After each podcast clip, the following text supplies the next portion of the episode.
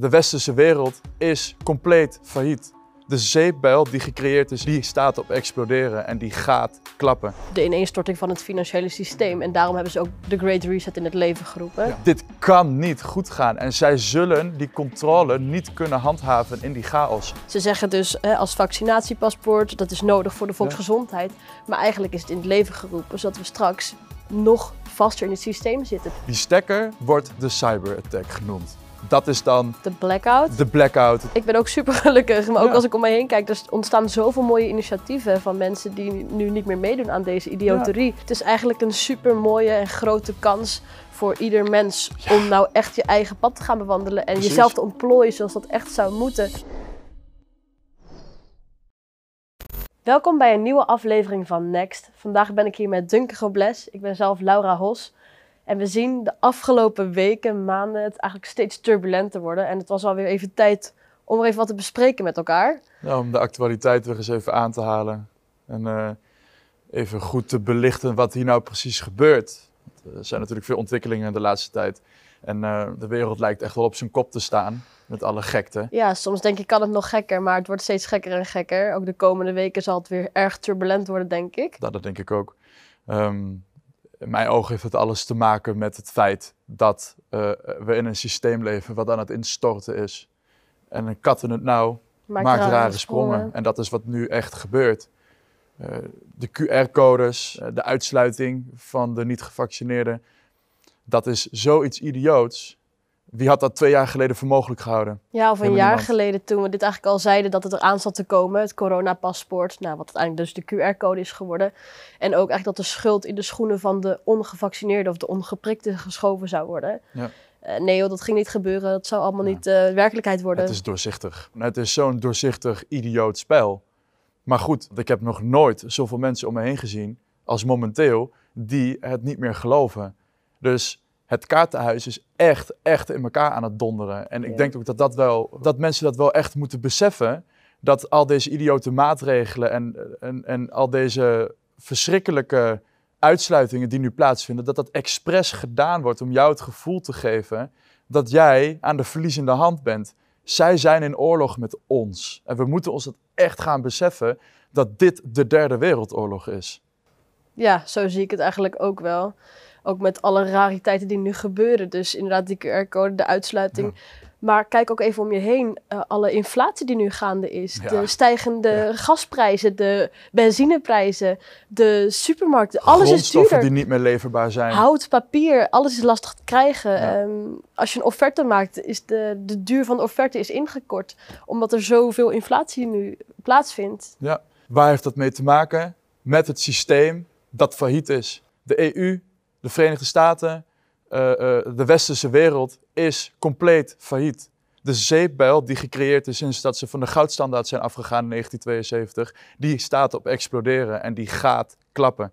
En mensen moeten zich hier ook op, gaan voorbereiden, want dit is iets wat eh, eh, een enorme schokgolf teweeg kan gaan brengen. Op het moment dat de controleurs van dit systeem, de controleurs van het fiat geldsysteem en van dus de westerse wereld, IMF, World Bank, eh, BIS in Zwitserland, op het moment dat dit systeem instort en het gaat klappen, eh, zullen zij de stekker er voortijdig uit gaan trekken. Zij denken door middel van de Great Reset Ja. eigenlijk dit voor te kunnen zijn of dit te kunnen controleren. Dus eigenlijk een gecontroleerde ineenstorting.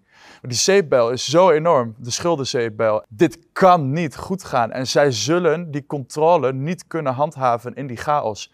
Orde ab chaos is hun motto. Maar die zullen ze niet kunnen controleren, die zullen ze niet kunnen handhaven, omdat er te veel mensen wakker zijn. En dat is waarom ze de aanval op ons hebben ingezet, om het wakker zijn te stoppen.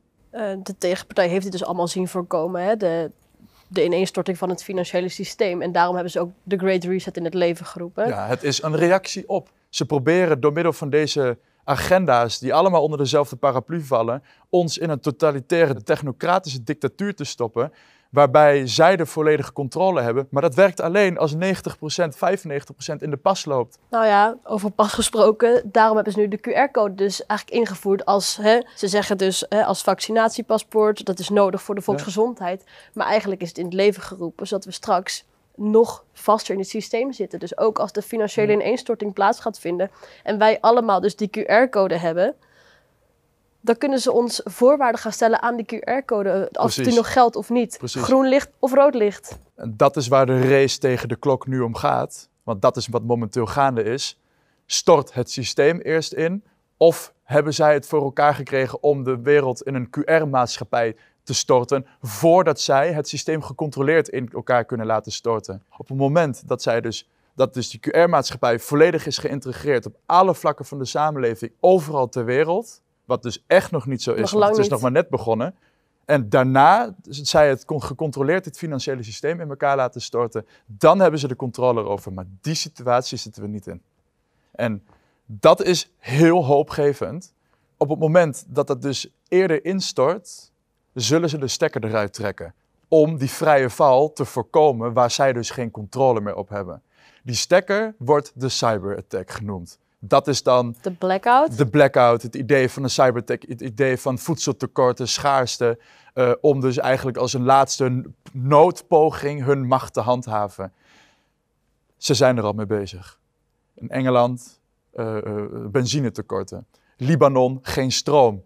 In heel Europa enorme inflatie. Ook in Nederland. eh Ja.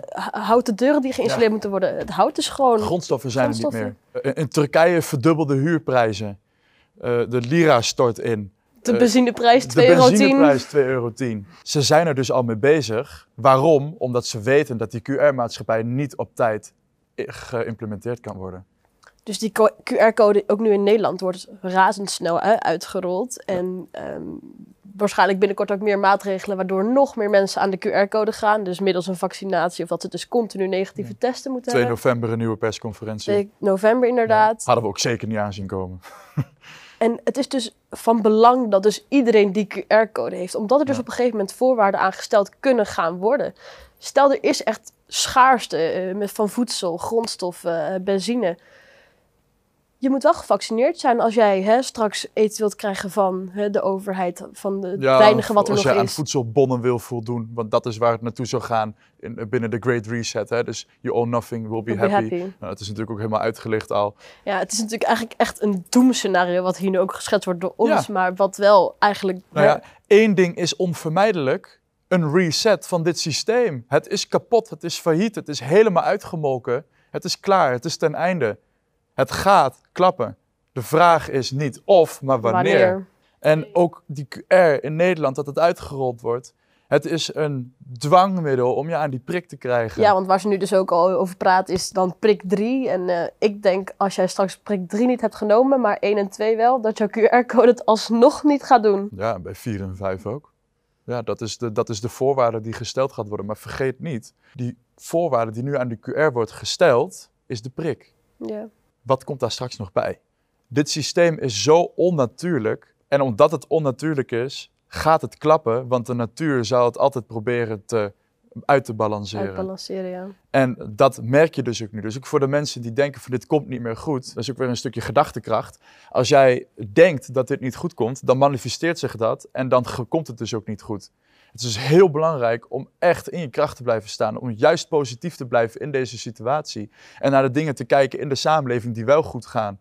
Je eigen Dus- weg te vinden ook binnen dit systeem of Ja, daarbuiten. precies. maar Want er we zijn, worden eruit geforceerd. en er zijn manieren om nog wel gewoon een fijn leven te leiden. Zeker, ik ben gelukkig. Ik ben ook super gelukkig, maar ook Ja. als ik om mij heen kijk, er ontstaan zoveel mooie initiatieven van mensen die nu niet meer meedoen aan deze idioterie. Precies. Die geen QR-code vragen voor. Hè? Ja, je moet uit je comfortzone treden. We zaten allemaal in een comfortzone die niet echt comfortabel was, want we passen er niet in. En dat blijkt nu maar, we worden eruit geforceerd.